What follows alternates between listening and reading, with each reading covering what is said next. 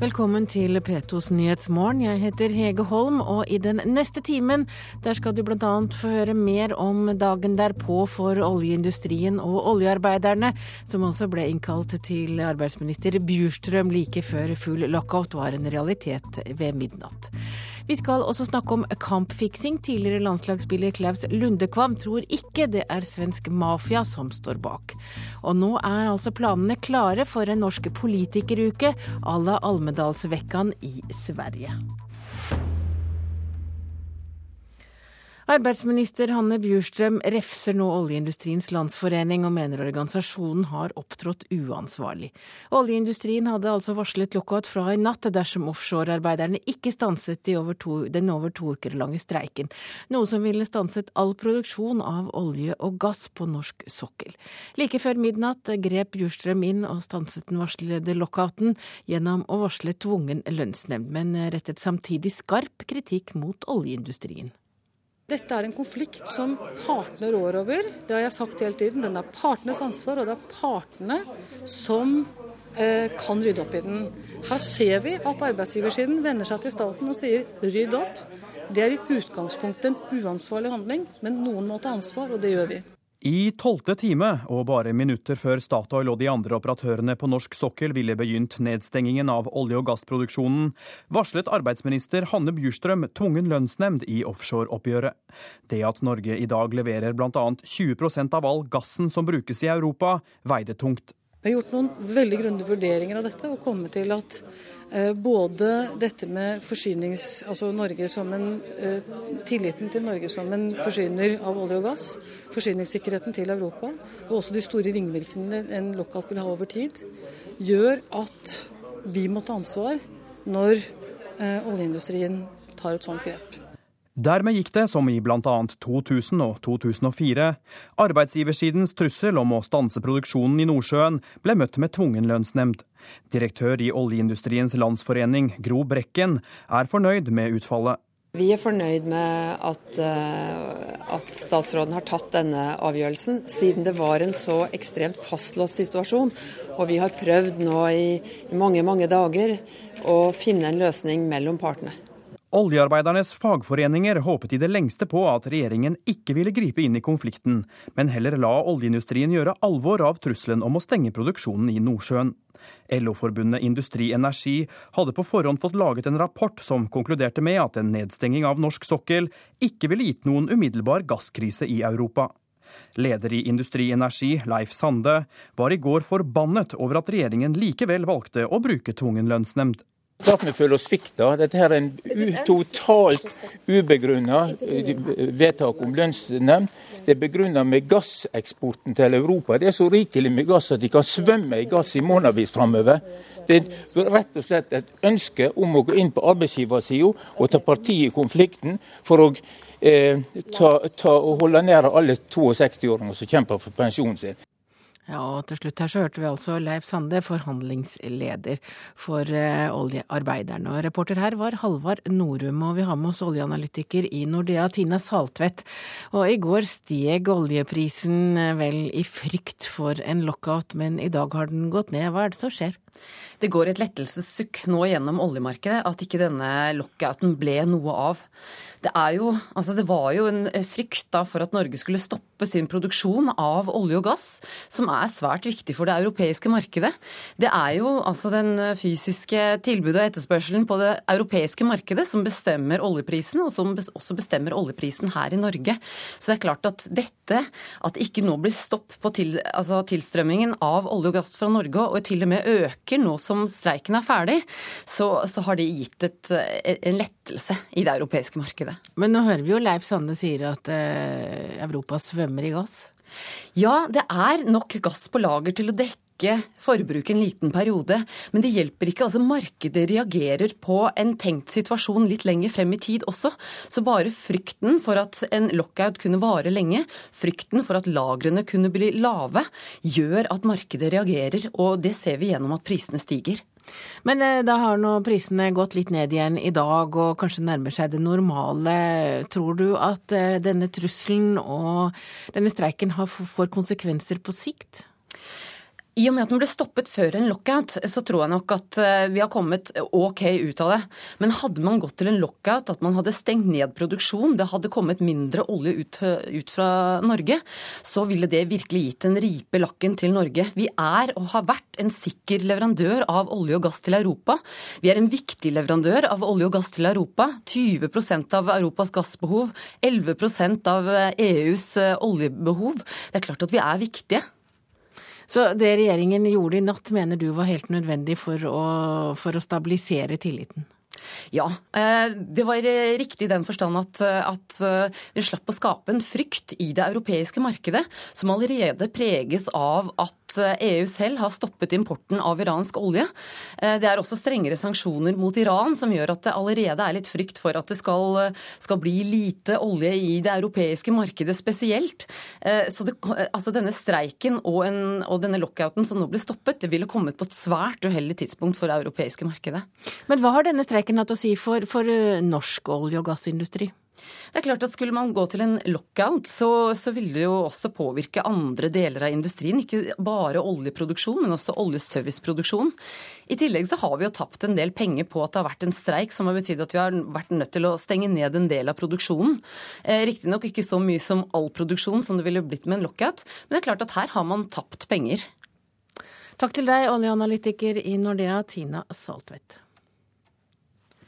Da skal vi til Russland, for Russlands president Vladimir Putin krever resolutt aksjon mot pågående plyndring etter regn- og flomkatastrofen i Kuban ved Svartehavskysten. Regionen, som normalt har 360 mm nedbør per år, er Russlands viktigste område for sommerferierende, men ble altså rammet av en nedbørskatastrofe sist helg.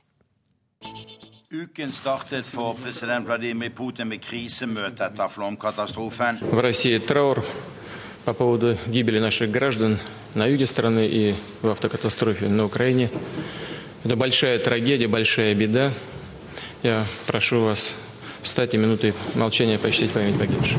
Vi har landesorg nå over alle de som omkom i sør og i Ukraina. Dette er en stor tragedie og en stor ulykke, så jeg ber dere reise dere og minnes de døde med ett minutts stillhet, sa Putin etter at kosakkenes hjemtrakter Kuban ved Svartehavet druknet i regn sist helg. 171 mennesker er omkommet, og folk står på bar bakke. De har mistet alt de eide etter katastrofenedbøren, og det er i et område som normalt bare har 360 mm nedbør årlig. Kuban ved Svartehavet nord for Sotsji hører med til den viktigste sommerferieregionen her i Russland. Uhyggelig plyndring har pågått siden katastrofen toppet seg på lørdag, og i dag krevde president Putin resolutt politiaksjon mot plyndringen. En sjokkerende ting i et område som skulle vært preget av kosakkenes æresbegreper i nødens stund. Russlands president karakteriserer naturens skader slik. Беда очень большая. Мы видим с вами, что трагедия очень большая. Конечно, людей не вернешь. Это ужасная трагедия. Ulykken er svært stor. Vi ser jo nå hvor stor tragedien er.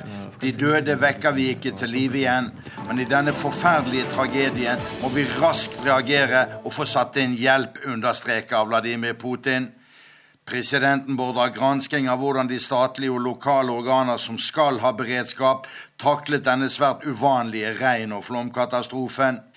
En trøst i det våte marerittet er at det store vanningsmagasinet i Kuban holdt tross flom og enorme regnskader. Statsminister Dmitrij Medvedev har iverksatt ekstraordinære hjelpetiltak, for titusener av mennesker står virkelig på bar og meget våt bakke. Men det er stor byggekapasitet i regionen fordi innspurten i byggearbeidene til vinter-OL i Sotsji i 2014 pågår rett sør for dette katastrofeområdet nå. Derfor er naturkatastrofen nordøst på Svartehavskysten en utfordring med hensyn til om den russiske administrasjonen kan ha to tanker i hodet samtidig. Hans-Wilhelm Steinfeld, Moskva. Presidenten i Venezuela, Hugo Chávez, sier han ikke lenger har kreft. Chávez fikk kreftdiagnosen for et år siden. Presidenten er operert to ganger på Cuba, men det har ikke vært kjent hvilken type kreft det har dreid seg om. I oktober er det valg i Venezuela, og Chávez ligger godt an på meningsmålingene. Olje- og energiselskapet Royal Dutch Shell er igjen det største selskapet i verden. Det viser magasinet Forbes sin liste over de 500 største selskapene. De to siste årene har den amerikanske dagligvarekjeden Walmart innehatt førsteplassen. Bare det siste året har det nesten blitt 1000 flere unge uføre i Norge. Det betyr at nesten 10 000 unge under 30 år er uføre i dag. En av dem er 29 år gamle Geir Risbakken fra Engerdal i Østerdalen. Et lys alene, ensomt og forlatt Denne skrev jeg når jeg kanskje hadde det som mørkest i livet mitt. Så hadde jeg behov for å få uttrykt ting. Geir Risbakken fra Hedmark er 29 år og ufør. Musikken har betydd mye for han i tunge stunder. Jeg føler vel på en måte at, eh, at man blir vel ikke godtatt. Man har ikke den statusen som det er å ha jobb. Men eh, sånn som meg, jeg sliter både med angst, jeg kan ha dårlige dager. Og det her, alt det her påvirker psyken min. I tillegg så er etter alle år som jeg har vært inn og ut av sykehus, så er blir man litt sliten. Geir er en av de over 9500 unge uføre i dag. Bare det siste året har antall unge uføre økt med nesten 1000 personer. Geir har aldri vært i arbeid og sluttet på videregående da han skulle begynne som lærling. Jeg har slitt med både mobbing og jeg har slitt med dysleksi. Og etter hvert, når jeg, dette her da blir for mye, eh, og jeg er i ungdomsskole, da velger å prøve å ta livet av meg første gangen. Det er jo da da jeg begynner å, å, slite. Videre så prøvde jeg jo å komme meg videre gjennom videregående og greide jo å få ståkarakterer der. Men i lærlingtida så, så ble det for mye. Lektor ved Universitetet i Agder, Torunn S. Olsen, har forsket på den økende andelen av unge uføre. Hun bekrefter at mange unge uføre ikke har mestret og fullført skolen. Vi har drevet flere forskningsprosjekter, og mye tyder på at Delvis handler dette om barn i relativt ung alder som ikke mestrer skolen. Og så handler det også veldig mye om eh, omsorgssvikt i familien. Så problemene forplanter seg eh, til arbeidslivet senere. Veldig mange unge mestrer ikke det å ta en videreutdanning. og og har bristende forutsetninger også for å lykkes i arbeidslivet. Det er viktig å føle at man mestrer noe på skolen. Blir man sett i tidlig alder og føler at man mestrer skolen, så har man et bedre grunnlag for å takle ting videre. For å hindre at antall unge uføre fortsetter å stige, tror Torunn S. Olsen systemet må fange opp barn og unge som sliter tidligere. Jeg tror at vi må tenke langsiktig. Eh, skal vi få ned tallet på unge uføre, så må vi også tenke tidlig innsats i forhold til både barnehage eh, og barneskolen. Det handler om å, å, å se, og at voksenverden reagerer på, på barn og unge som sliter. Om Geir en gang blir friskmeldt, er han klar på hva han ønsker på en eventuell arbeidsplass. Å ha et miljø som, som møter en med åpenhet Eh, se hvilken ressurs faktisk som kanskje er hos eh, hver enkelt. Og at jeg kan bruke mine erfaringer. For jeg tror òg det at hvis samfunnet er flinkere til å bruke hver enkelts erfaring fra livet, og få lov til å bruke det i jobben sin, så ville mange ha følt at man har ikke kasta bort livet sitt på de åra han har slitt. Og reporter her var Ingrid Wilberg Arnesen. Hører på Nyhetsmorgen i NRK P2 og Alltid nyheter. Klokka er 7.16, og dette er hovedsakene i nyhetene akkurat nå. Arbeidsminister Hanne Bjurstrøm refser Oljeindustriens Landsforening og mener organisasjonen har opptrådt uansvarlig. Pasienter bestiller rusmidler over internett mens de får psykiatrisk behandling. Og regjeringen gir fremdeles millioner i etterlønn til ledere i staten. Høyre og Fremskrittspartiet krever at regjeringen rydder opp. Klaus Lundekvam har ingen tro på at balkansk mafia i Sverige skal stå bak kampfiksingssaken som nå rulles opp i Norge. Det er nærmest umulig, mener den tidligere landslagsspilleren. Det som er kommet fram i denne saken her, på såpass store summer og der det er utenlandske aktorer i, i, i sving, det, det tror jeg ikke blir utbredt i Norge.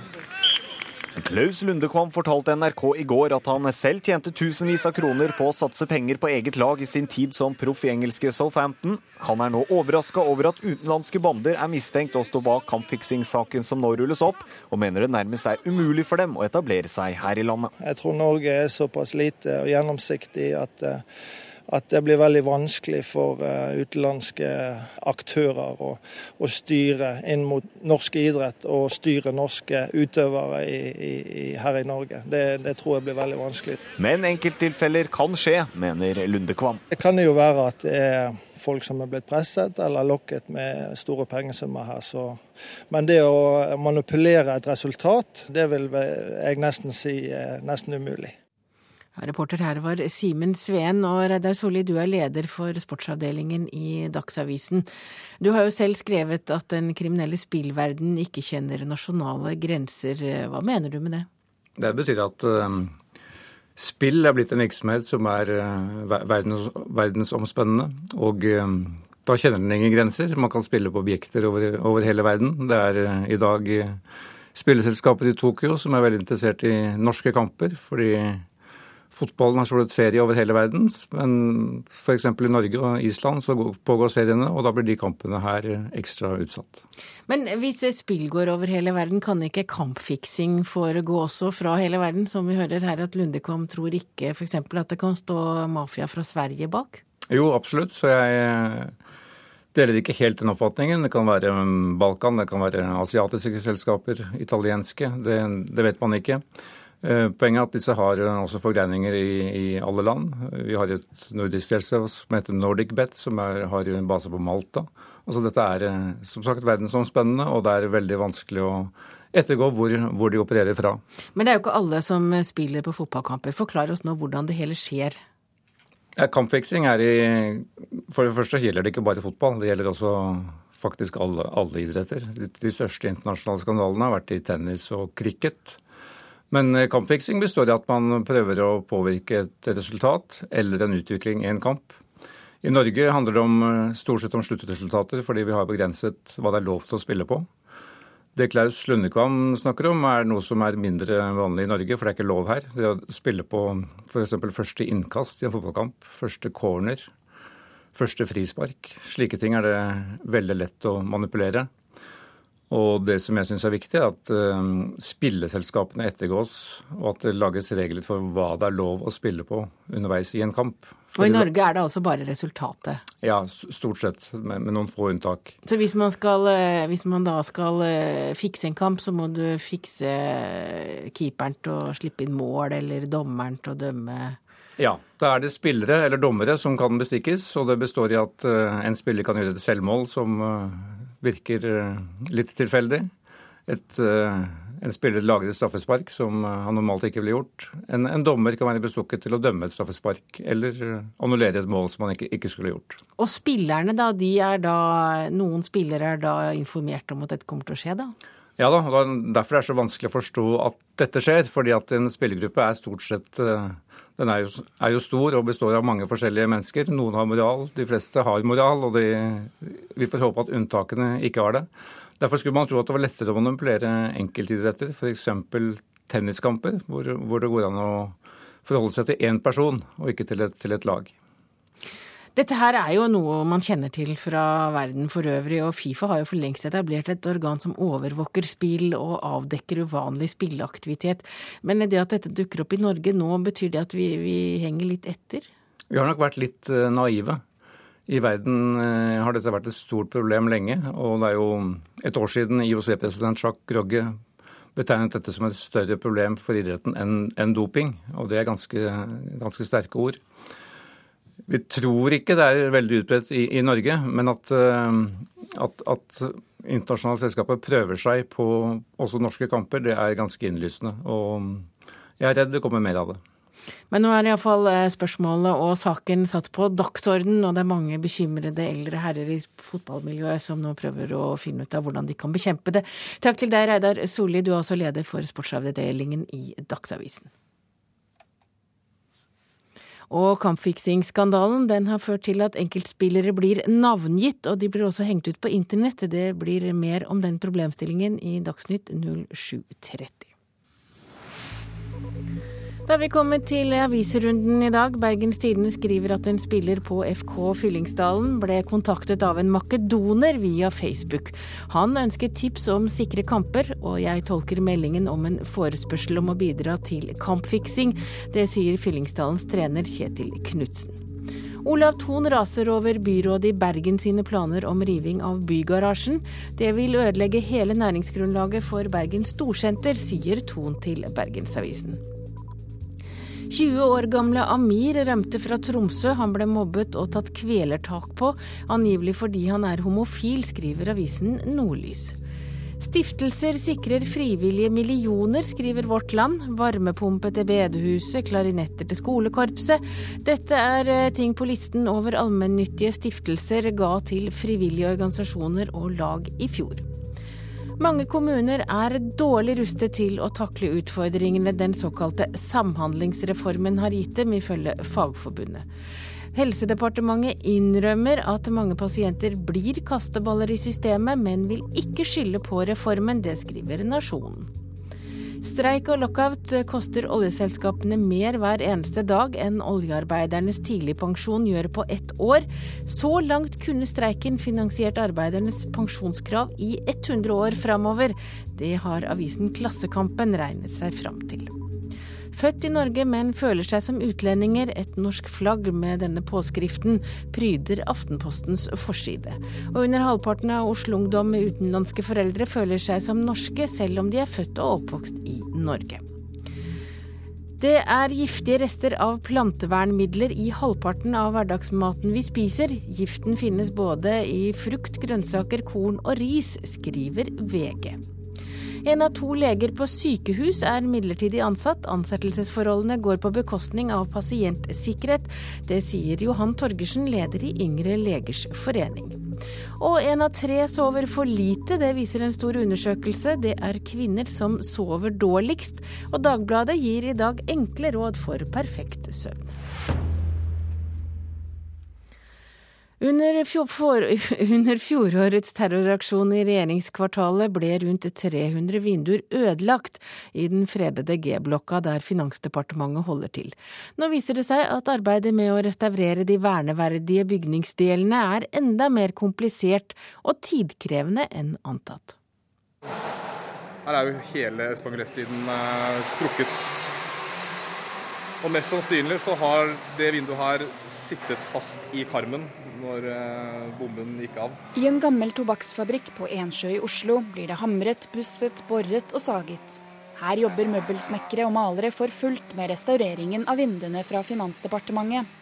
Ett år etter terrorangrepet i regjeringskvartalet er det fortsatt mye å gjøre. For her må du støpe om blyet. Eh, du må finne tilbake til de gamle glassene. Og så må det settes sammen. Og dette er jo et rimelig tidkrevende arbeid. Terroristens bilbombe gjorde stor skade på regjeringskvartalet 22.07. i fjor. Deler av restaureringsarbeidet har vært en større utfordring enn antatt, sier malermester og prosjektleder Truls Brattfoss. Det var eh, umulig å si eh, omfanget av dette her. Noen av vinduene ser estetisk veldig greie ut, men når du først begynner å, å, å ta på dem, å si, og begynner å se, så ser du at det er mer skade enn det syns. Da om det var mer jobb enn hva vi trodde. Kommunikasjonsdirektør i Statsbygg Hege Njå Rygg sier det omfattende opprydningsarbeidet i regjeringskvartalet er i rute, med unntak av nettopp restaureringen av vinduene fra Finansdepartementet. Eh, vi ser at vi kanskje bruker noe lengre tid på vindusrehabiliteringen. Vi tenkte oss at vi kanskje skulle være ferdig på høsten i denne høsten, men vi regner med å holde på til neste år. Finansdepartementet sto ferdig i 1906 og er i jugendstil. Det har status som verneverdig, og dermed må alt av glass, vindusrammer og skruer tas vare på. Vinduene skal settes i stand slik at de blir så nær originalene som mulig. Hovedutfordringen var vel det å tenke sånn som de gjorde da i 1904, 05, 06, når de bygde dette her. Så du må jo faktisk så langt tilbake i tid og tenke sånn som de snekkerne gjorde på den tiden. Det er jo egentlig hovedutfordringen vi har hatt. Det originale treverket i rammene beholdes så langt det lar seg gjøre. Snekkerne skjøter møysommelig på trebiter der det er ødelagt. Det har også tatt tid å finne verktøy for å kunne lage nye beslag på gamlemåten. Prosjektleder i Statsbygg, Erling Nordsjø, sier det vil ta tid før arbeidet med vinduene er ferdig. Den tempo tempoet som vi kjører nå, så har vi ennå over et års produksjon igjen. Ja, og på nrk.no kan du se bildene fra det omfattende restaureringsarbeidet av Finansdepartementet. Reportere her var Ida Kvittingen og Dario Kverme Bir-Hane. Norge skal få sin egen versjon av den svenske Almedalsvekkan på Gotland. Arrangementet kaller seg Sveriges største demokratiske møteplass, og hvert år er det enorm interesse fra media. Det er behov for en slik arena i Norge også, det sier lederen for Arendalsukas styringsgruppe, Stein Gauslå. Vi mangler én arena som uh, samler både politiske topper, uh, næringsliv, kulturliv og det øvrige organisasjonsliv. Almedalsvekkan er en møteplass for politikere, næringslivstopper og pressefolk i Sverige. Men uka har fått mye kritikk for å bl.a. virke som et mediesirkus. Jo, jeg er klar over at eh, det er en debatt som også kan føres, men eh, man må jo først eh, sette det hele i gang før man eventuelt måtte se utvekster av det. Vi syns det positive vil overskygge eventuelle negative sider. Og det sa Stein Gauslå til reporter Fouad Asharki. Klokka er 7.29. Det er øyeblikkelig Dagsnytt med Ida Creed. Og etter Dagsnytt skal vi bl.a. til Myanmar, hvor fredsprisvinner Aung San Suu Kyi deltok på sitt første møte i nasjonalforsamlingen i går. Det blir også debatt mellom partene i oljesektoren. Streiken ble altså avblåst i natt da arbeidsministeren grep inn og varslet tvungen lønnsnemnd. Den debatten får du rett etter Dagsnytt, som nå kommer om få sekunder.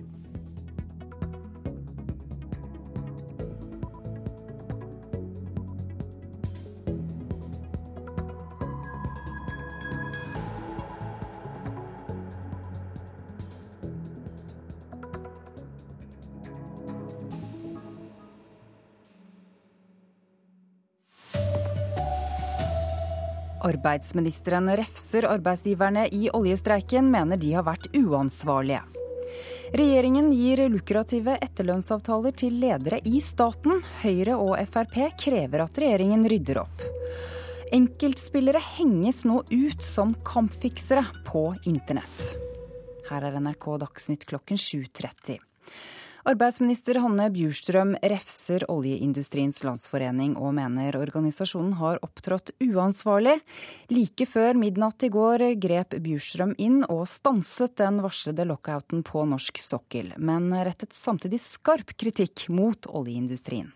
Oljeindustrien har etter mitt syn ikke opptrådt veldig klokt i forhold til at de skal fungere eh, videre eh, sammen med arbeidstakerne på norsk sokkel. Bare minutter før Statoil og de andre operatørene på norsk sokkel ville begynt nedstengingen av olje- og gassproduksjonen, varslet arbeidsminister Hanne Bjurstrøm tvungen lønnsnemnd i offshoreoppgjøret.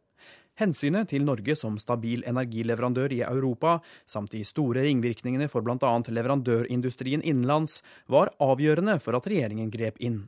Samtidig hevdet Bjurstrøm at den varslede lockouten fra oljeindustrien var en unødvendig og uansvarlig opptrapping av en lovlig arbeidskonflikt. Dette er en konflikt som partene rår over. Det har jeg sagt hele tiden. Den er partenes ansvar, og det er partene som kan rydde opp i den. Her ser vi at arbeidsgiversiden vender seg til staten og sier rydd opp.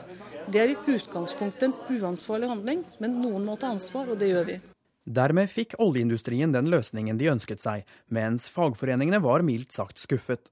Leder i LO-forbundet Industri Energi, Leif Sande, mener de varslede konsekvensene av en stans i norsk olje- og gassproduksjon var overdrevet. Klart vi føler oss svikta. Dette her er en totalt ubegrunna eh, vedtak om lønnsnemnd. Det er begrunna med gasseksporten til Europa. Det er så rikelig med gass at de kan svømme i gass i månedsvis framover. Det er rett og slett et ønske om å gå inn på arbeidsgiversida og ta parti i konflikten for å eh, ta, ta, og holde nede alle 62-åringer som kjemper for pensjonen sin. Reporter her var Halvard Norum. Så skal vi gjøre at avgått barneombud Reidar Gjermann mottar etterlønn i hele to år. Også det nye barneombudet fikk samme avtale om etterlønn da hun startet jobben for noen uker siden. Gjermann sier han var overrasket da han fikk garanti om etterlønn i to år, uten at han hadde bedt om det selv. Vel, jeg skvatt da jeg så at det var to års eh, ventelønn. Dette var ikke noe som jeg hadde bedt om. Og jeg var jo rask til å skrive det når jeg så at det, det var en såpass raus ordning etterpå. Hvis Gjerman vil, kan han sitte på rumpa i to år og likevel motta en solid lønn fra staten. Gjerman, som nylig fratrådte stillingen som barneombud, er garantert å få 80 av 955 000 kroner de neste to årene. Får han ny jobb som er dårligere betalt, utbetaler staten fremdeles differansen mellom ny og gammel lønn. Den ordningen den bør avvikles så fort som mulig. Sier Høyres nestleder Jan Tore Sanner. Jeg mener det er helt uakseptabelt at toppledere i staten, som jo ombudene er, skal ha så gunstige ordninger etter at de har gått ut av sin stilling. Fremdeles er det praksis at åremålsstillinger i staten inneholder avtale om såkalt ventelønn. Luftfartsdirektør Heine Rikardsen, som gikk av i vinter, har samme avtale, og han hadde en årslønn på 1 133 000 kroner. Her bør det ryddes opp. Sier stortingsrepresentant for Frp Per-Willy Amundsen. Altså, I minste så må det være et paradoks når vi har en rød-grønn regjering som til stadighet kritiserer lønnsadelen. Barne- og likestillingsminister Inga Marte Torkelsen fra SV vil ikke la seg intervjue om etterlønna til Barneombudet. Men hun skriver i en e-post at det er gode grunner til å ha en gjennomgang av hele ordningen. Det sa reporter Line Tomter. Kampfiksing-saken som rulles opp, har skapt sterkt engasjement. Nå blir flere enkeltspillere navngitt og uthengt på nettet. Det er usportslig, sier fotballkommentator Arne Skeie. Det er jo forferdelig at folk blir hengt ut. Og hvis de i tillegg skulle være totalt uskyldige, da, så er det jo desto verre. Når diskusjonen om kampfiksing avsluttes i en TV-debatt, fortsetter den på ulike debattforum og i diverse sosiale medier. Klubber og enkeltpersoner navngis og henges ut. Uskyldig til det motsatte er bevist, mener Skeie. Jeg håper at de fleste spillere og, og klubber i Norge har eh, rent mel i posen. Jeg er ikke naiv. Jeg tror ikke det, at vi lever eh, helt fjernt fra alle andre land. Og så langt har ikke politiet noen mistanke om at enkeltpersoner har brutt norsk lov. Det sier seksjonssjef i finans- og miljøseksjon i politiet, Gro Smogeli. Så langt så har vi kun foretatt noen vitneavhør for å få litt, hva skal jeg si, litt riktig fakta i saken.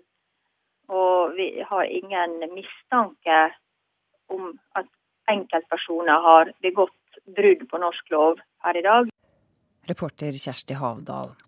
Klaus Lundekvam har ingen tro på at balkansk mafia i Sverige står bak kampfiksing-saken som rulles opp. Det er nærmest umulig, mener den tidligere landslagsspilleren.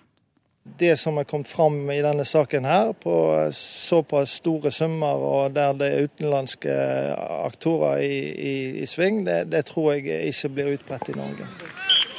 Klaus Lundekvam fortalte NRK i går at han selv tjente tusenvis av kroner på å satse penger på eget lag i sin tid som proff i engelske Southampton. Han er nå overraska over at utenlandske bander er mistenkt å stå bak kampfiksingssaken som nå rulles opp, og mener det nærmest er umulig for dem å etablere seg her i landet. Jeg tror Norge er såpass lite og gjennomsiktig at at det blir veldig vanskelig for utenlandske aktører å, å, styre inn mot norsk idrett og styre norske utøvere i, i, her i Norge. Det, det, tror jeg blir veldig vanskelig. Men enkelttilfeller kan skje, mener Lundekvam. Det kan jo være at det er folk som er blitt presset eller lokket med store pengesummer her. Så.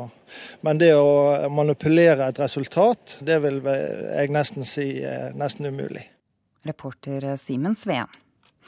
Vi skal tilbake til den avsluttede oljestreiken, for akkurat nå er flere helikoptre på vei fra heliporten på Sola til oljeplattformer i Nordsjøen.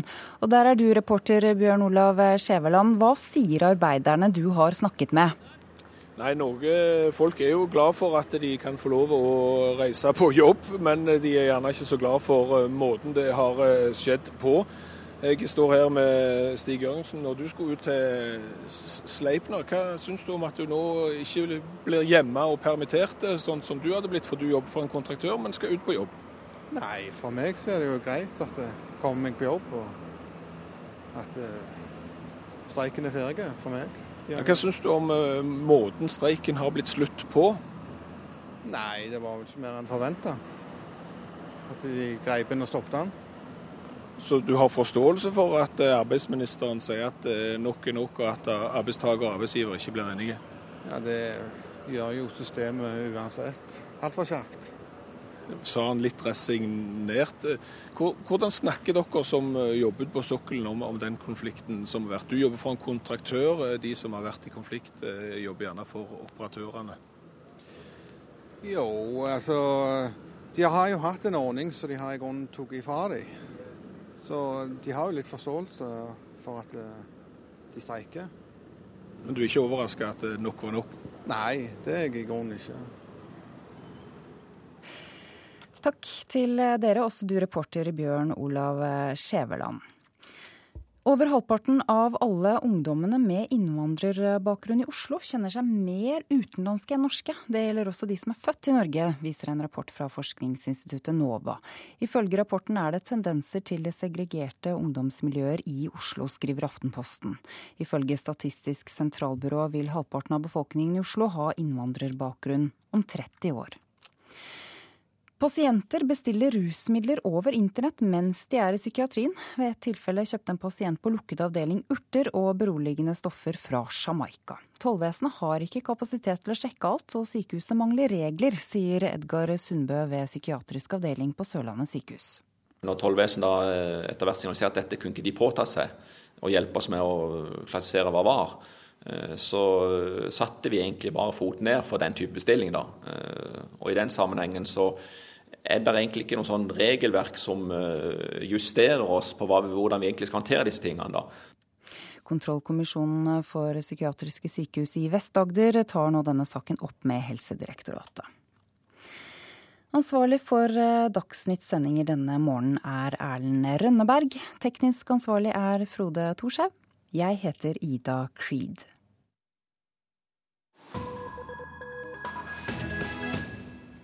P2s Nyhetsmorgen fortsetter. Vi skal til Myanmar, for Nobels fredsprisvinner Aung San Suu Kyi deltok i går på sitt første møte i Myanmars nasjonalforsamling. Det hadde ikke vært mulig uten de politiske reformene den nåværende presidenten Tein Sein har gjennomført de siste to årene. Men ikke alle nyter godt av tøværet i den nordøstlige delstaten Kachin, kjemper Kachins uavhengighetshær for selvstyre. 75 000 000 mennesker har flyktet fra sine hjem siden juni i fjor.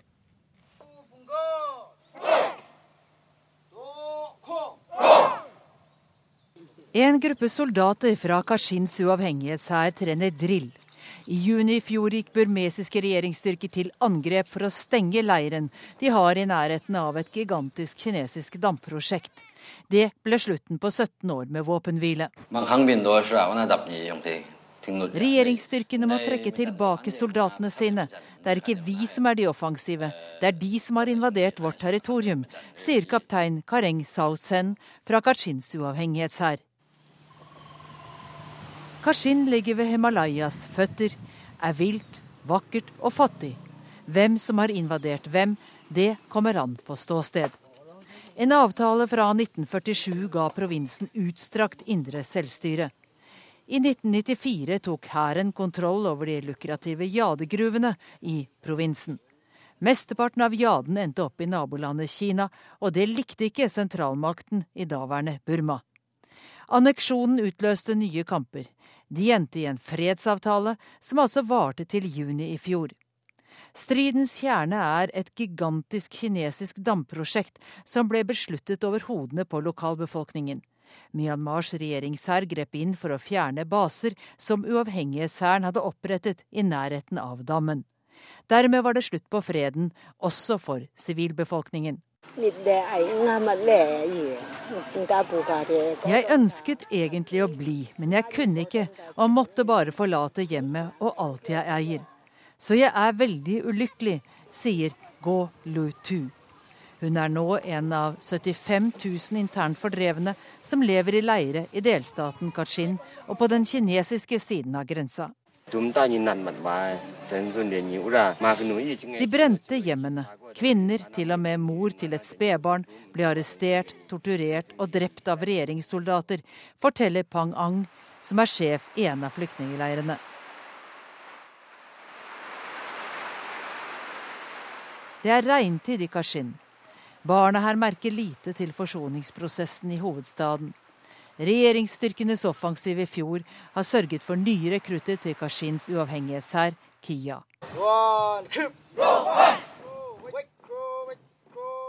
De trener ikke bare for å kunne stanse et damprosjekt. De trener for å kunne forsvare Kashins uavhengighet, i det minste den de hadde inntil for et år siden. Regjeringsstyrkene forsøker å nå provinshovedstaden Laisa langs ulike ruter. Men det er ingen seier i sikte, egentlig ikke for noen av partene. Vi har hatt 17 år med utvikling, og vi har ventet på en politisk løsning. Det finnes ingen politisk løsning. Hvor blir det av rettighetene for Kashin-staten? Ingen rettigheter, sier kaptein Sautsen. En ny stat i Asias indre? Det er et prosjekt i motvind, ikke minst når fienden deres, Myanmars president, nettopp er i ferd med å komme inn igjen i den internasjonale varmen. Og reporter her var utenrikskommentator Gro Holm. Klokka er 7.44, du hører på Nyhetsmorgen i NRK P2, og dette er hovedsaker i nyhetene. Arbeidsminister Hanne Bjurstrøm refser OLF for uansvarlig opptreden. Avgått barneombud får etterlønn i to år. Nå ønsker Frp og Høyre at regjeringen rydder opp i millionavtalene. Og det har blitt flere unge uføre i Norge det siste året. Nesten 10 000 under 30 år er nå ufør. Oljestreiken er altså over etter at arbeidsminister Hanne Bjurstrøm grep inn og varslet tvungen lønnsnemnd like etter midnatt. Arbeidsgiverne hadde da varslet full lockout, noe som ville ført til permittering av 6500 oljearbeidere. Bjurstrøm mener det var nødvendig å gripe inn pga. de store økonomiske konsekvensene en lockout ville ført til. Samtidig kom hun med krass kritikk av arbeidsgiverne. Altså Det å varsle lockout på en lovlig streik eh, som, hvor uttaket er så begrenset, det er klart at det er ikke godt for klimaet mellom partene. Og Det er noe av det jeg har påpekt hele tiden for dem. Det var noe av det jeg var klar på på møtet på fredag. At dere må tenke på at dere skal fortsette å leve sammen. Eh, så Sånn sett så er det bekymringsverdig. Nå får jeg håpe at vi etter hvert får se at eh, dette bedrer seg. Men det er klart at oljeindustrien har etter mitt syn ikke opptrådt veldig klokt i forhold til at de skal fungere eh, videre eh, sammen med arbeidstakerne på norsk sokkel. Ja, og her hørte vi altså arbeidsminister Hanne Bjurstrøm. Og Gro Brekken, du er administrerende direktør i Oljeindustriens Landsforening. Her hørte vi Bjurstrøm si at dere har opptrådt lite klokt. Hva er din kommentar? Ja, jeg hører hva hun sier. Eh, og vi tenker nå, eller jeg tenker nå da at uh, hvis vi hadde gitt etter for krav om full pensjon ved 62 år, så ville jeg nok uh, kanskje tenkt at hun ville refse oss da også. Men hun mener vel at en lockout som gjaldt så mange, var litt overdreven? Ja, det mener ikke vi. Altså, det har jo hører hun sier, og fagbevegelsen har sagt, at streiken er så liten at den kan bare gå og gå og gå. Men sånn, sånn opplever ikke vi det. Og jeg kan heller ikke forstå den vurderingen. Det har altså vært 200 millioner i tap i døgnet, og det har vært skadelidende for tre selskaper. BP, Statoil og et forpleiningsselskap som heter ESS. Eh, og det er en liksom urimelig belastning for disse tre selskapene. I tillegg så har flere hundre mennesker blitt permittert, bare har Nav-penger, eller de som er midlertidig ansatt i jeg har ikke fått lønn i det hele tatt. Og hele industrien mente at fordi at kravet fra eh, motparten vår var på alle, på alle selskapene, så alle selskapene innenfor OLF de, var, de ønsket å være en del av den lockouten og være solidarisk i den, eh, sammen med den, den opptrappingen som vi har en rett til og en mulighet til. Leif Sande, du var forhandlingsleder for Industri Energi, og du var ganske sint i natt. Du mente at, eh, også at regjeringen tok parti med oljeselskapene. Hva mener du med det? Nå hørte vi, de fikk skikkelig refs. Jo, de fikk skikkelig refs, og de fortjener refs for å ha lagt ut i bomma og sa hvis ikke det kom inn og hjelper oss, så sprenger vi jo. Det er en forferdelig nedrigg måte å opptre på. Men samtidig så opptrer eh, Bjurstrøm her på en måte som et klart inngrep mot streikeretten. Hun går inn på arbeidsgiversida og løser konflikter konflikten. Hun kan si hva hun vil om at hun anbefaler oss til å bli enige, men så lenge motparten vet 100% sikkert at de får tvungen lønnsnemnd, så har de ingen som helst behov for å imøtekomme av våre krav. Så, er det et nederlag for dere?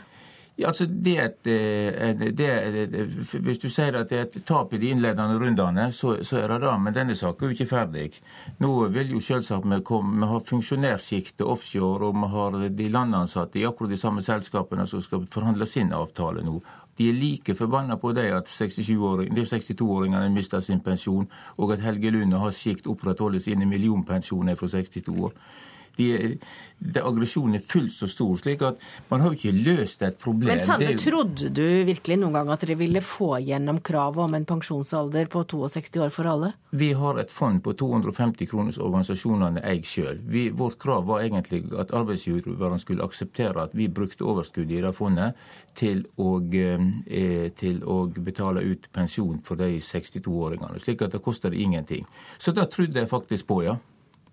Eh, Gro Brekken, eh, nå har Klassekampen i dag regna ut at streiken har jo kosta så mye til nå for dere at eh, dere kunne jo like godt fullt et, gitt, gitt etter for kravet?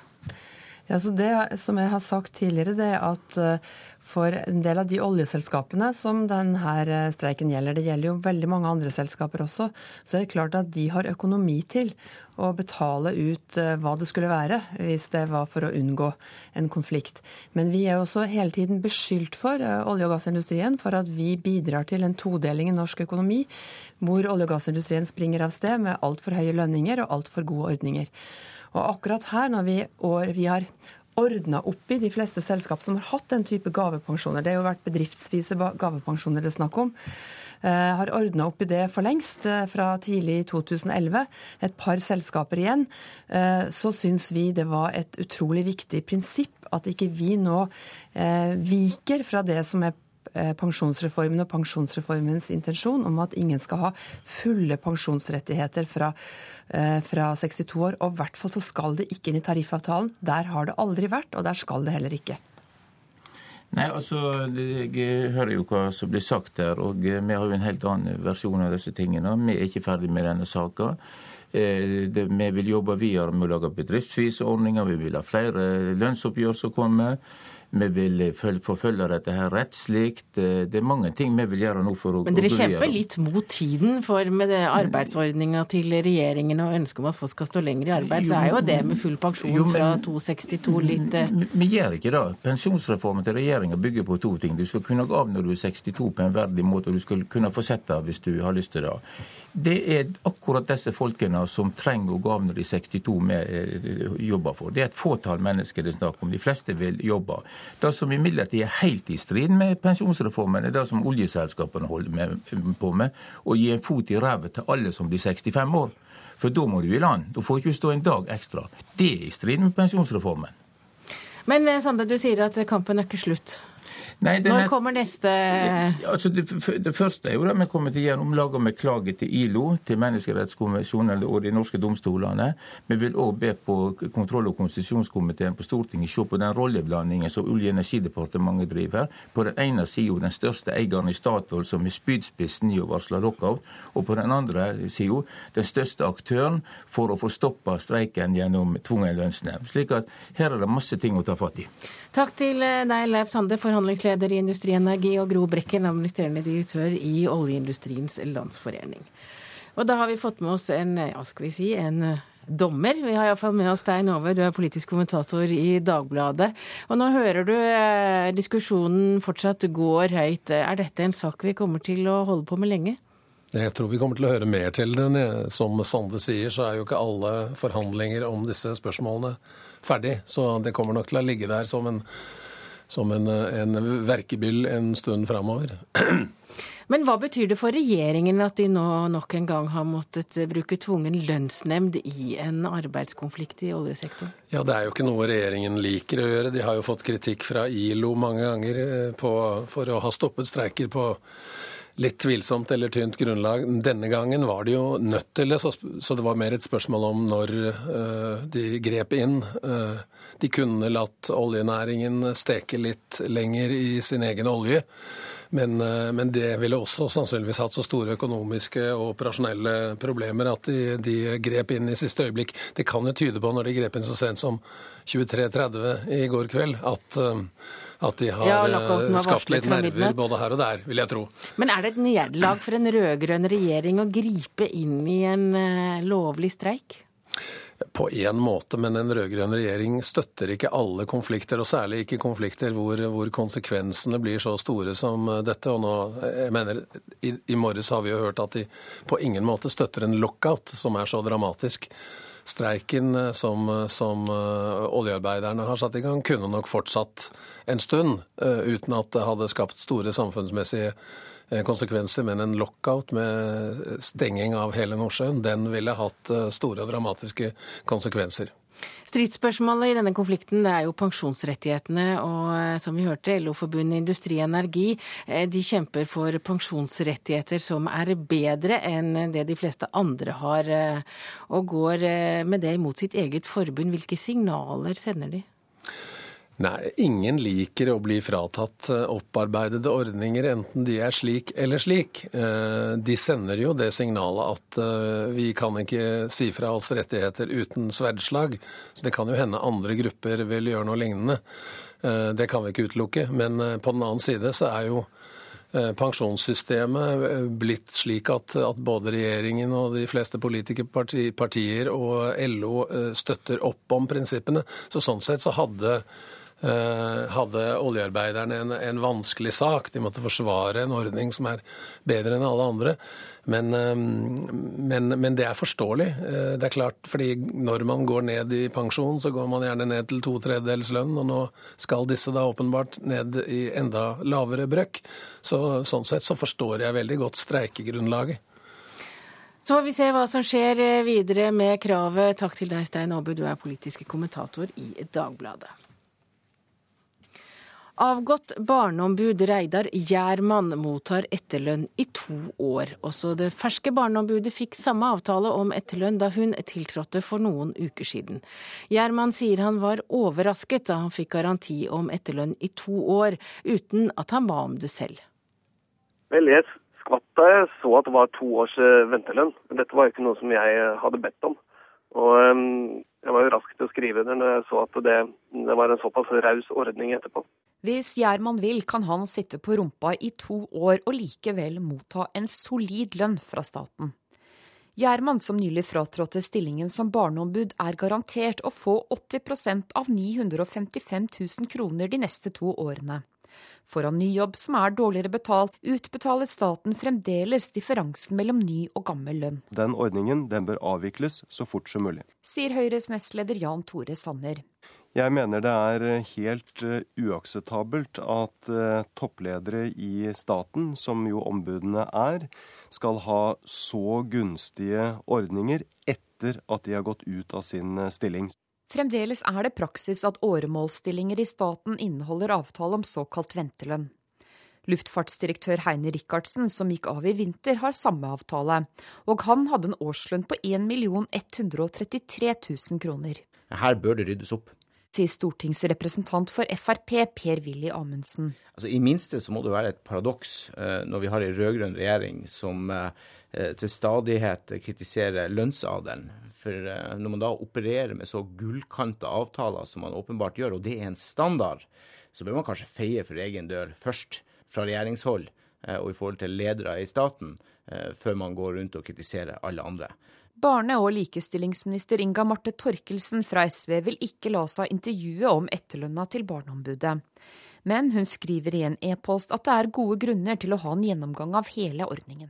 Gjennomgang, er ikke det det heter? Nei, altså, det, Denne regjeringa har altså sittet med makta i snart sju år. Eh, så dersom eh, man har praktisert et sånt regelverk over lang tid, eh, noe jeg forstår man har, så, eh, så, er det kanskje på høy tide med gjennomgang eh, etter sju år. Eh, men her altså kunne man altså gjort noe for veldig lenge siden, dersom man hadde ønska. Det å ha to års ventelønn handler jo ikke om at man er nødt til å benytte seg av det. Den dagen man får en ny stilling, så vil jo ventelønnen også da forsvinne. Og reporter her var Line Tomter. Da har vi kommet fram til et værvarsel som gjelder til midnatt. Fjellet i Sør-Norge for det meste skyet, enkelte regnbyger, gløtt av sol og utrygt for lokal torden, særlig i ettermiddag og kveld, og lokal tåke. Østafjells skiftende i ettermiddag sørvestlig opp til frisk bris på kysten, skiftende skydekke. Noen regnbyger, vesentlig i indre strøk og lokal torden i ettermiddag. Få eller ingen byger og noe sol nær kysten, stedvis lave tåkeskyer først på dagen. Vestlandet sør for Stad, nord eller nordvest opp i liten kuling på kysten. I Sogn og Fjordane kan hende stiv kuling. Enkelte regnbyger, vesentlig i indre strøk og utrygt for torden. Lokalt lave tåkeskyer først på dagen. Møre og Romsdal enkelte regnbyger, vesentlig i indre strøk. Lokalt lave tåkeskyer først på dagen. Trøndelag regn utover ettermiddagen, lettere vær, stedvis lave tåkeskyer. Helgeland, Saltfjellet og Salten tilskyende fra sør og etter hvert enkelte regnbyger på Helgeland og i indre strøk av Salten. Ofoten, Lofoten og Vesterålen nordøstlig frisk bris på kysten. Først på dagen liten kuling i sør, lettskyet eller delvis skyet og stort sett oppholdsvær. Troms får det meste pent vær, men utover dagen mer skyet i ytre strøk. Kyst- og fjordstrøkene i Finnmark skiftende skydekke og enkelte regnbyger vesentlig nær kysten. Finnmarksvidda får det meste pent vær, og Nordensjøland på Spitsbergen fra i ettermiddag skiftende bris og stort sett oppholdsvær. Klokka nærmer seg åtte her i P2s Nyhetsmorgen. Snart er det tid for en Dagsnytt-oppdatering og Kulturnytt. Denne delen av P2s Nyhetsmorgen takker for seg. Produsent er Elin Pettersen, teknisk ansvarlig Frode Thorshaug og Arnt Egil Nordlien. Og jeg heter Hege Holm.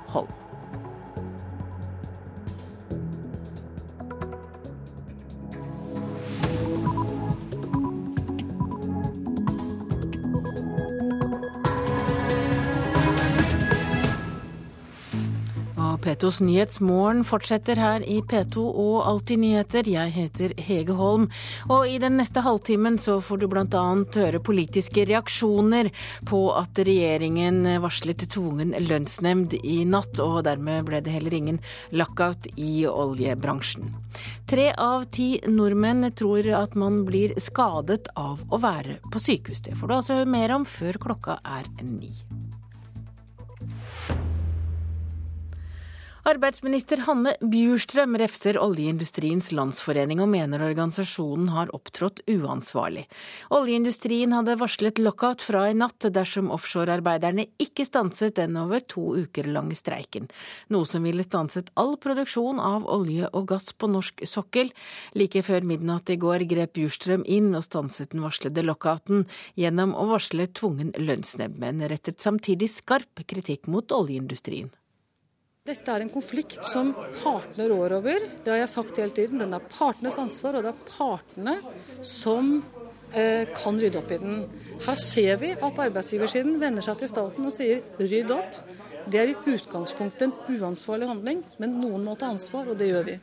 I tolvte time, og bare minutter før Statoil og de andre operatørene på norsk sokkel ville begynt nedstengingen av olje- og gassproduksjonen, varslet arbeidsminister Hanne Bjurstrøm tvungen lønnsnemnd i offshoreoppgjøret. Det at Norge i dag leverer bl.a. 20% av all gassen som brukes i Europa, veide tungt. Vi har gjort noen veldig grundige vurderinger av dette og kommet til at eh, både dette med forsynings... Altså Norge som en, eh, tilliten til Norge som en forsyner av olje og gass, forsyningssikkerheten til Europa, og også de store ringvirkningene en lockout vil ha over tid, gjør at vi må ta ansvar når eh, oljeindustrien tar et sånt grep. Dermed gikk det som i bl.a. 2000 og 2004. Arbeidsgiversidens trussel om å stanse produksjonen i Nordsjøen ble møtt med tvungen lønnsnemnd. Direktør i Oljeindustriens Landsforening, Gro Brekken, er fornøyd med utfallet. Vi er fornøyd med at, at, statsråden har tatt denne avgjørelsen, siden det var en så ekstremt fastlåst situasjon. Og vi har prøvd nå i, i mange, mange dager å finne en løsning mellom partene.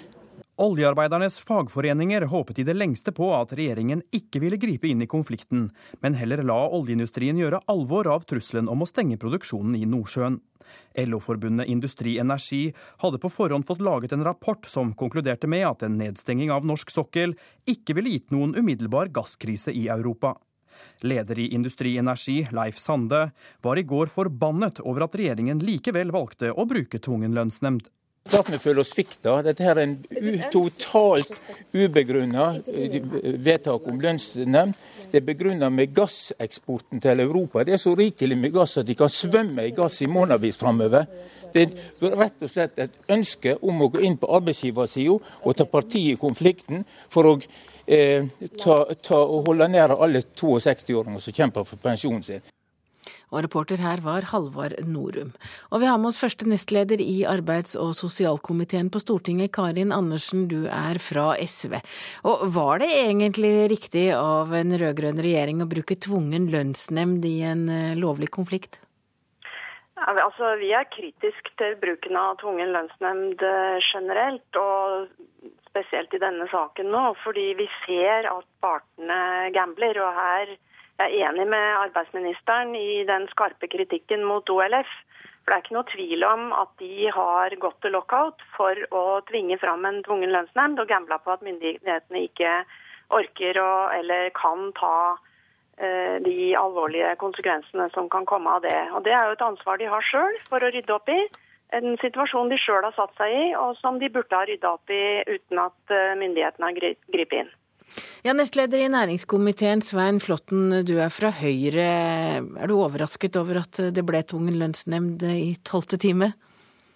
Nei, det er jeg ikke overrasket over. Det jeg er mest overrasket over, er faktisk at Karin Andersen fra SV ikke støtter sin egen regjering når de etter en veldig grundig vurdering, som Bjurstrøm sier, har kommet frem til at de måtte gå inn med tvungen lønnsnevnd. Så syns jeg det er overraskende at ikke alle partiene i, i den rød-grønne regjeringen stiller seg bak det. For slik jeg har fulgt uh, saken, uten å kjenne partenes eksakte standpunkter, så virker dette som en fornuftig standpunkt av regjeringen. Ja, Karin Andersen, eh, hvorfor gjør du ikke det? Støtter eh, regjeringen som partiet ditt er en del av? Jeg sier at eh, vi er kritisk til denne beslutningen, og det kommer av at Norge har brukt eh, tvungen lønnsnemnd ofte, og at eh, det ser ut som om partene gambler på det. Og i denne saken er det veldig tydelig at oljeindustrien har gjort det. Det er negative virkninger. Hvor store de ville ha vært, er det umulig å si, for olja ligger jo der. Men det er jo ikke noe tvil om at her har de et system der lederne har veldig høye lønninger og skyhøye pensjoner. Og så går de også ut og maner til samfunnsansvar for arbeidstakerne når de ønsker gode pensjoner. Og så stenger de ned hele norsk sokkel og vet at det er et så alvorlig grep at myndighetene har vanskelig for å sitte og se på det. Så her mener jeg vi må gå kritisk gjennom dette. For den situasjonen som vi har vært i nå, viser jo med all tydelighet at, uh, den, at når vi bruker tvungen lønnsnemnd så ofte som vi har gjort i Norge i dag nå, så ødelegger det forhandlingsinstituttet og det ansvaret som partene har. For det er partene har, og, og, arbeidsgiverne i denne saken som har ansvaret for at Norge kunne komme i en slik situasjon. Og den har de ikke rygg til å ta sjøl, men skyver det over på arbeidsministeren og regjeringen. Ja, Flåtten, var det egentlig så fornuftig av oljeindustrien å nærmest bare si lockout, eh, selv om streiken ikke var så omfattende? Ja, nå går Karin Andersen inn i eh, partenes eh, standpunkter og posisjoner når de har forhandlet. Det er relativt komplisert sånn jeg ser det. Jeg velger å se dette ut fra den fastlåste situasjonen som var. Altså, Det er partenes eh, plikt i utgangspunktet å komme til enighet. Når de ikke kommer til enighet, så har de sine våpen. Det er streik, det er lockout. Nå var det en fastlåst situasjon. Og jeg syns det er udiskutabelt at dette var en meget alvorlig samfunnsmessig situasjon. Det har jo også Bjurstrøm undersøket. Det er rett og slett påliteligheten til Norge som ikke bare olje- og gassleverandør i øyeblikket, men som fremtidig handelspartner for de som skal kjøpe av oss. Meget viktig argument. Og, jeg syns at regjeringen har handlet eh, klokt der, og syns ikke at man, eh, i hvert fall ikke innad fra deres egne partier, burde, burde kritisere en sånn eh, avgjørelse. Men dette er jo et ansvar som oljeindustrien også har. Og når jeg leser nå bl.a. kommentarer i Aftenposten i dag, så sier Gro Brekken at vi var nødt til å få slutt på streiken. Og Det viser jo med all tydelighet at de har gamblet på dette og skyver ansvaret over på myndighetene. Og Dette er en situasjon som jeg tror alle partier bør være opptatt av. At det ikke ender opp med at eh, regjeringen og myndighetene får ansvaret for å avslutte alle streiker, eller eh, at man ender opp med lockouter som, som blir så alvorlige at, at, regjeringen er nødt til å gripe inn. Sånn, en sånn utvikling er meget uh, bekymringsfull. Og sånn, Derfor så er vi nødt til å gå kritisk gjennom dette. og Jeg hadde kanskje forventet at det var flere som var kritisk til den handlemåten, når OLF sjøl så tydelig sier at dette har de gjort for å få myndighetene til å gripe inn. Jeg skjønner at Karin Andersen gjerne vil eh, dele ut skyld og ikke skyld til de forskjellige partene her. Det forholder jeg meg mer nøytral til. Jeg syns vi var i en meget alvorlig situasjon. Det samme har eh, tydeligvis eh, regjeringen ment. Og så syns jo jeg at norsk arbeidsliv stort sett fungerer aldeles utmerket med partenes egne forhandlinger. Vi har riktignok i våres hatt noen, noen konflikter, men veldig mye fungerer bra. Jeg synes at det, det arbeid som gjøres mellom arbeidsgivere og arbeidstakere i dette landet, i utgangspunktet fungerer godt. Men oljeindustrien er spesiell. Det er store samfunnsmessige konsekvenser. Og i stedet for å, å dele ut skyld eller ikke skyld, så syns jeg at man skal støtte opp om at når det var fastlåst, så var dette en, en riktig avgjørelse som ikke jeg finner uh, kritikkverdig. Så her er altså Høyre-mannen Svein Flåtten, han roser regjeringen for godt arbeid, mens eh, du Karin Andersen, som eh, sitter i et av regjeringspartiene, er kritisk. Bør spillereglene endres, Andersen? Nei, jeg syns spillereglene skal følges. Og det er det som jeg mener er på glid nå. Eh, fordi, eh, som Flåtten sier riktignok, f.eks. oljeindustrien er en stor og viktig samfunnsaktør.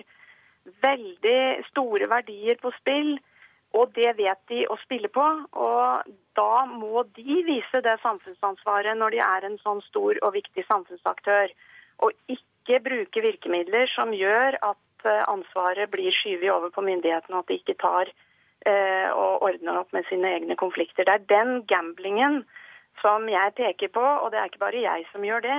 ILO, altså FNs eh, organisasjon for arbeidslivet, har jo har jo klaget på Norge flere ganger fordi vi bruker tvungen lønnsnemnd ofte. Og Karin Andersen, mener... dette kommer det til å bli debatt om utover dagen, eh, men eh, det er det vi rakk i denne omgang. Takk til deg. Du er første nestleder i arbeids- og sosialkomiteen på Stortinget og sitter for SV. Og takk også til Svein Flåtten fra Høyre, nestleder i næringskomiteen. Avgått barneombud Reidar Gjerman mottar etterlønn i to år. Også det nye barneombudet fikk samme avtale om etterlønn da hun startet i jobben for noen uker siden. Gjerman sier han var overrasket da han fikk garanti om etterlønn i to år, uten at han selv har bedt om det. Vel, jeg skvatt da jeg så at det var to års eh, ventelønn. Dette var ikke noe som jeg hadde bedt om.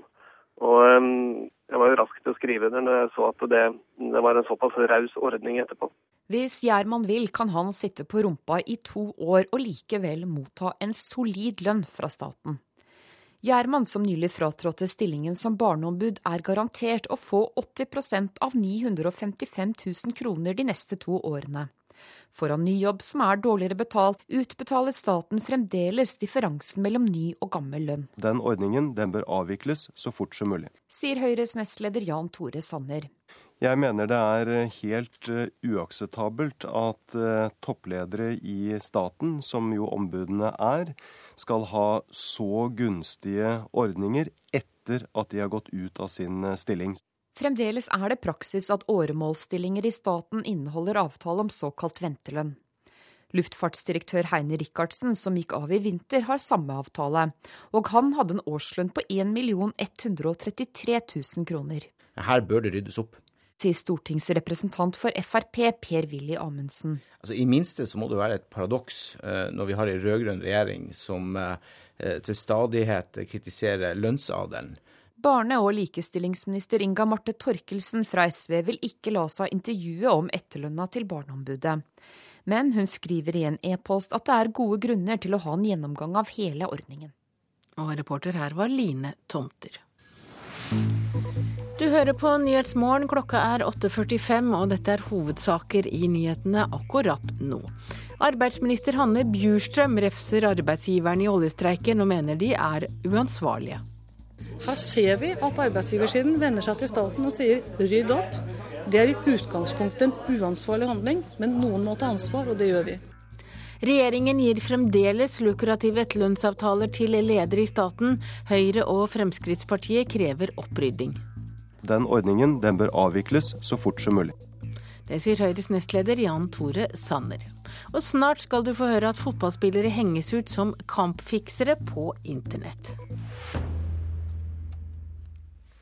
Russlands president Vladimir Putin krever resolutt aksjon mot pågående plyndring etter regn- og flomkatastrofen i Kuban ved Svartehavskysten.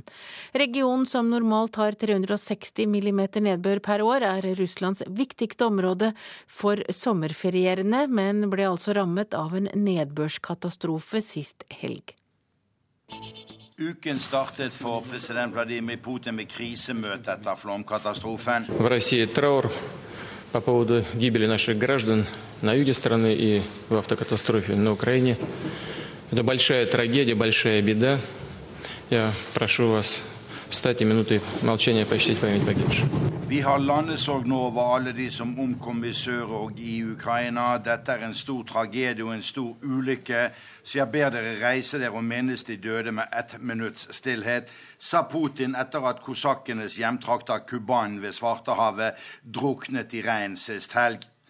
171 mennesker er omkommet, og folk står på bar bakke. De har mistet alt de eide etter katastrofenedbøren, og det i et område som normalt bare har 360 millimeter nedbør årlig. Kuban ved Svartehavet nord for Sotsji hører med til den viktigste sommerferieregionen her i Russland.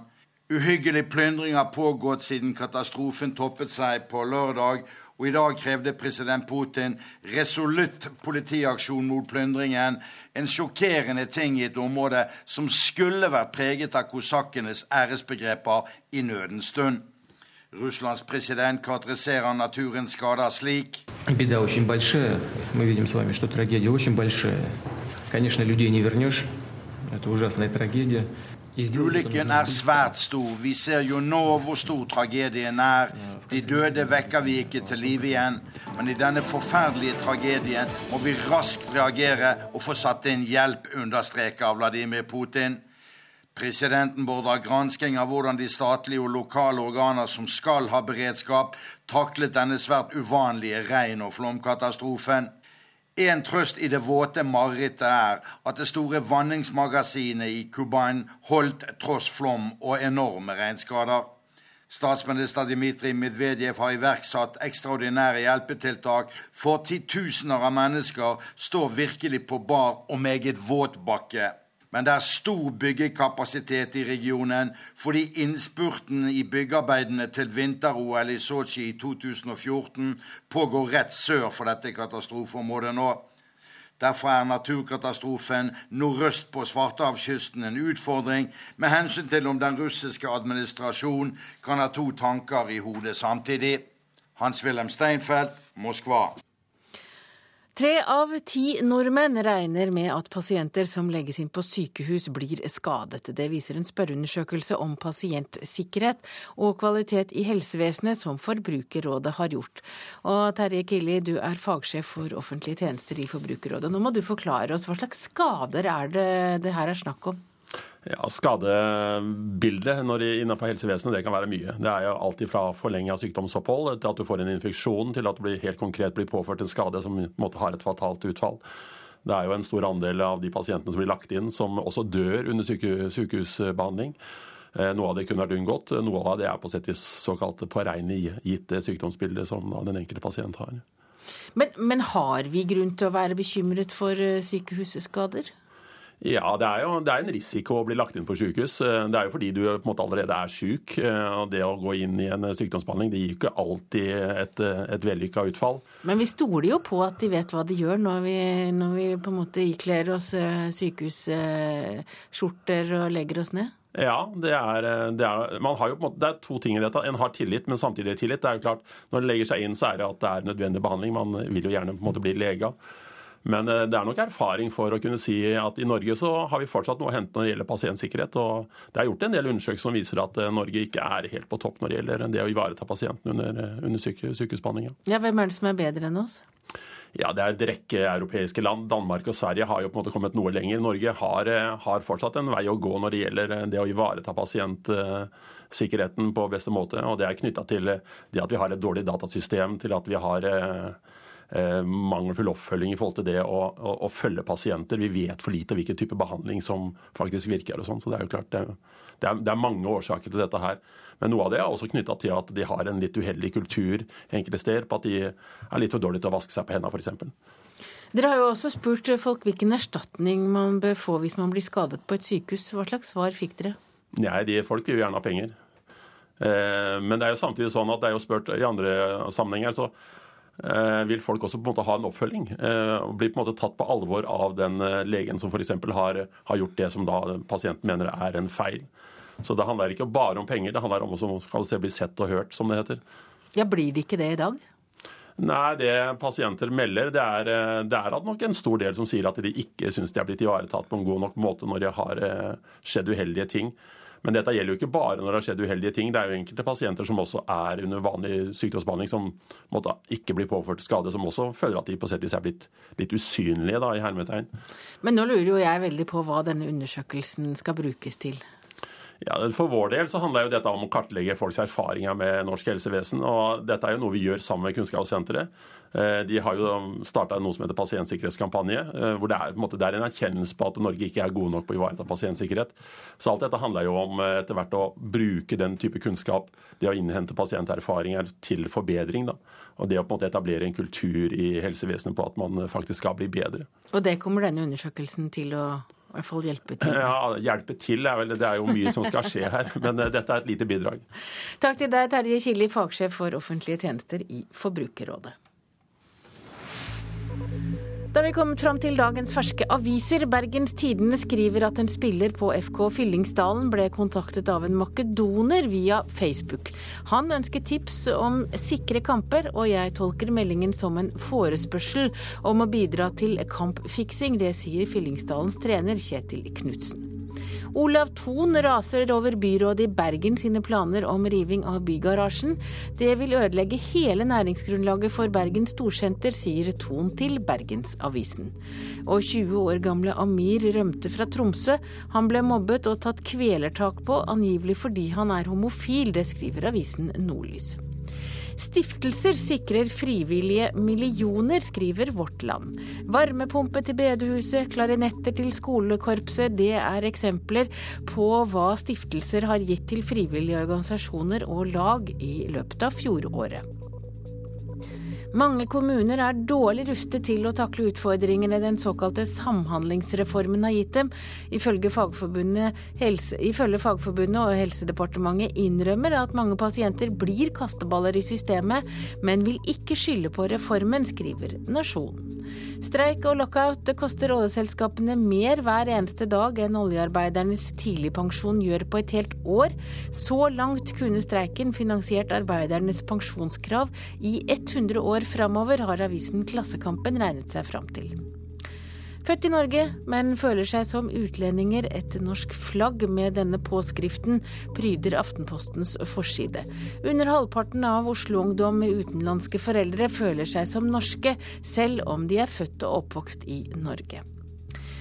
Det er giftige rester av plantevernmidler i halvparten av hverdagsmaten vi spiser. Giften finnes bl.a. i frukt, grønnsaker, korn og ris. Det er det VG som skriver i dag. En av to leger på sykehus er midlertidig ansatt, og ansettelsesforholdene går på bekostning av pasientsikkerheten. Det sier Johan Torgersen, han er leder i Yngre legers forening. Og en av tre sover for lite. Det viser en stor undersøkelse, og det er kvinner som sover dårligst. Dagbladet gir i dag enkle råd for perfekt søvn.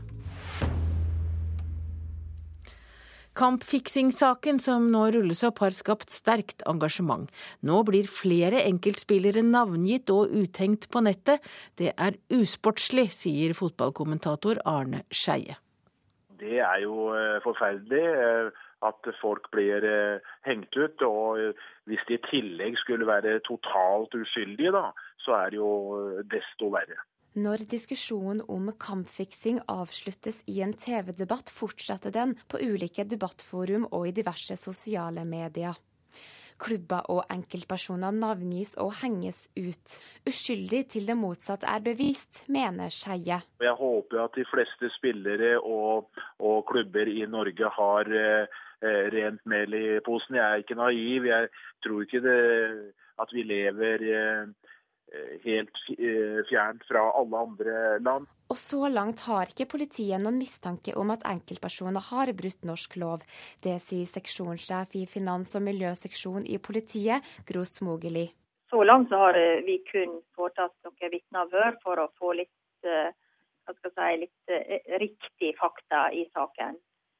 Og vi har ingen mistanke om at enkeltpersoner har begått brudd på norsk lov her i dag. Og reporter her var Kjersti Havdal. Og Klaus Lundekvam tror ikke det er balkansk mafia i Sverige som står bak kampfiksingen i Norge. Den tidligere landslagsspilleren har innrømmet at han selv tjente godt på å satse penger på eget lag mens han spilte for den engelske klubben Southampton. Han tror norsk fotball er såpass gjennomsiktig at det blir vanskelig for utenlandske aktører å styre norske utøvere. Da har vi kommet fram til et værvarsel som gjelder til midnatt. Fjellet i Sør-Norge for det meste skyet, enkelte regnbyger, gløtt av sol og utrygt for lokal torden, særlig i ettermiddag og i kveld, og lokal tåke. Østafjells skiftende i ettermiddag sørvestlig opp til frisk bris på kysten. Skiftende skydekke, noen regnbyger vesentlig i indre strøk. Lokal torden i ettermiddag, få eller ingen byger og noe sol nær kysten. Stedvis lave tåkeskyer. Vestlandet sør for Stad, nord eller nordvest opp i liten kuling på kysten. I Sogn og Fjordane kan hende stiv kuling. Enkelte regnbyger vesentlig i indre strøk, utrygt for torden. Lokalt lave tåkeskyer først på dagen. Møre og Romsdal enkelte regnbyger, vesentlig i indre strøk. Lokalt lave tåkeskyer først på dagen. Trøndelag regn utover ettermiddagen, lettere vær, stedvis lave tåkeskyer. Helgeland, Saltfjellet og Salten tilskyende fra sør og etter hvert enkelte regnbyger på Helgeland og i indre strøk av Salten. Ofoten, Lofoten og Vesterålen nordøstlig frisk bris på kysten, først på dagen liten kuling i sør. Lettskyet eller delvis skyet og stort sett opphold. Troms for det meste pent vær, men utover dagen mer skyet i ytre strøk. Kyst- og fjordstrøkene i Finnmark skiftende skydekke og enkelte regnbyger vesentlig nær kysten. Finnmarksvidda får det meste pent vær, og Nordensjøland på Spitsbergen fra i ettermiddag skiftende bris og stort sett oppholdsvær. Så har vi temperaturene målt klokka sju. Svalbard lufthavn seks, Kirkenes åtte, Vardø åtte, Alta ni, Tromsø-Langnes åtte, Bodø 15, Brønnøysund 11, Trondheim-Værnes 12, Molde 12, Bergen-Flesland 13, Stavanger 13, Kristiansand-Kjevik 15, Gardermoen 14, Lillehammer 13, Røros 11 og Oslo-Blindern 16 grader. Dette var altså temperaturer målt klokka sju. Denne sendingen fra Petos Nyhetsmorgen nærmer seg slutten. Ansvarlig for alle nyhetssendinger i dag er Erlend Rønneberg. Produsent for Nyhetsmorgen er Elin Pettersen, og han som sørger for lyden heter Arnt Egil Nordlien. Jeg heter Hege Holm. Og i Alltid nyheter, der fortsetter det med nyheter, og på P2 der får du programmet Ekko. Har du tips eller kommentarer, send oss gjerne en e-post til adressen nyhetsmorgen, krøllalfa, nrk.no. Og da står det bare igjen for meg å ønske alle en riktig god tirsdag.